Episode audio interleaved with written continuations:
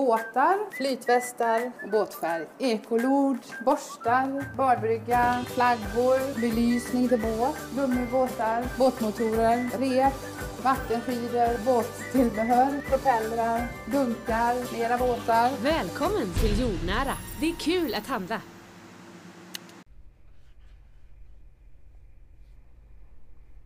Men hur är det nu egentligen med Bonander och hans verksamhet? Och lägger han ner helt för eh, gäster och sådär redan nu så här års eller?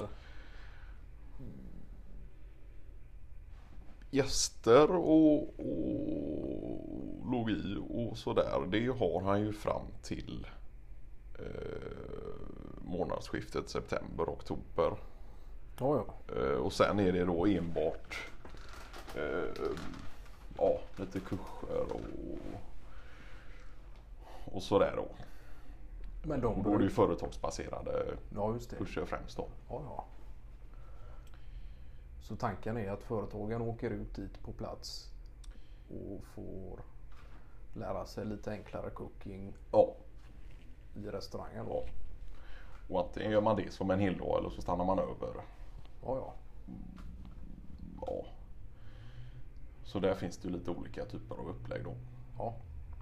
Men grundtanken är väl just att all, för allmänheten stängs det månadsskiftet september-oktober. ja, ja. Annars han flänger och far och, och, och föreläser, här, föreläser lite här och var också. Ja. Inte bara stationerad ute på sitt place där ute då. Nej, nej, nej.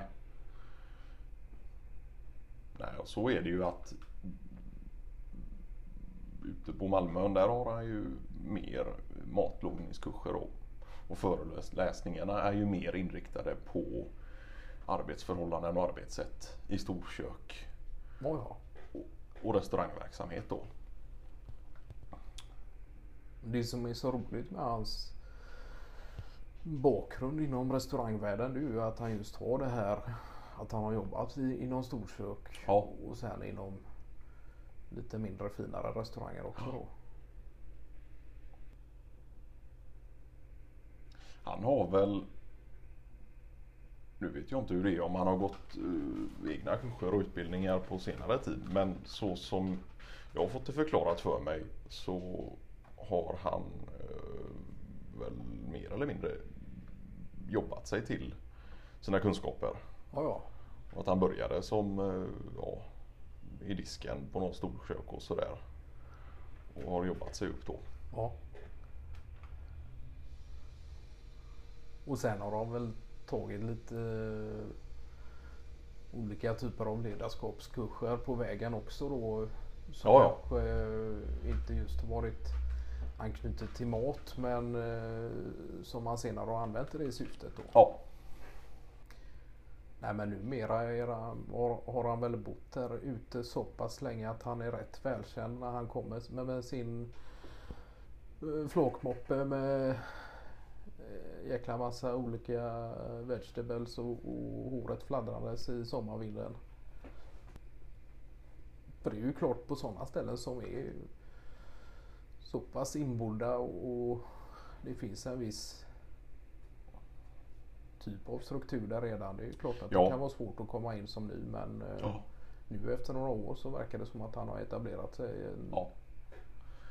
Och andelen eh, året runt boende är ju avsevärt mycket mindre än sommargästerna. ja. Så spenderar du tid där, mm, ja, låt säga mellan oktober och, och april. Då är det ju inte allt för många ansikten att komma ihåg och, och Nej, just det. lära känna. Då. Och I och med att han ja, använder sig av mycket lokala råvaror och, och sådär. Så är det klart att då lär man ju känna folk i trakten.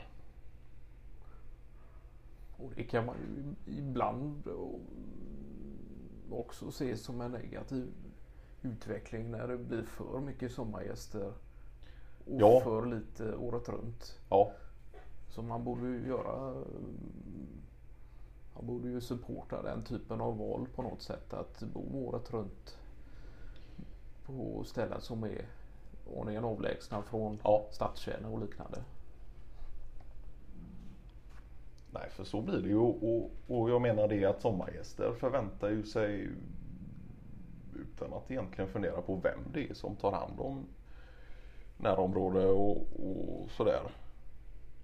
Årstiderna då det inte är ja, fullt med folk. Då är det ju lätt att ta för givet att saker och ting sköter sig också och hålls igång och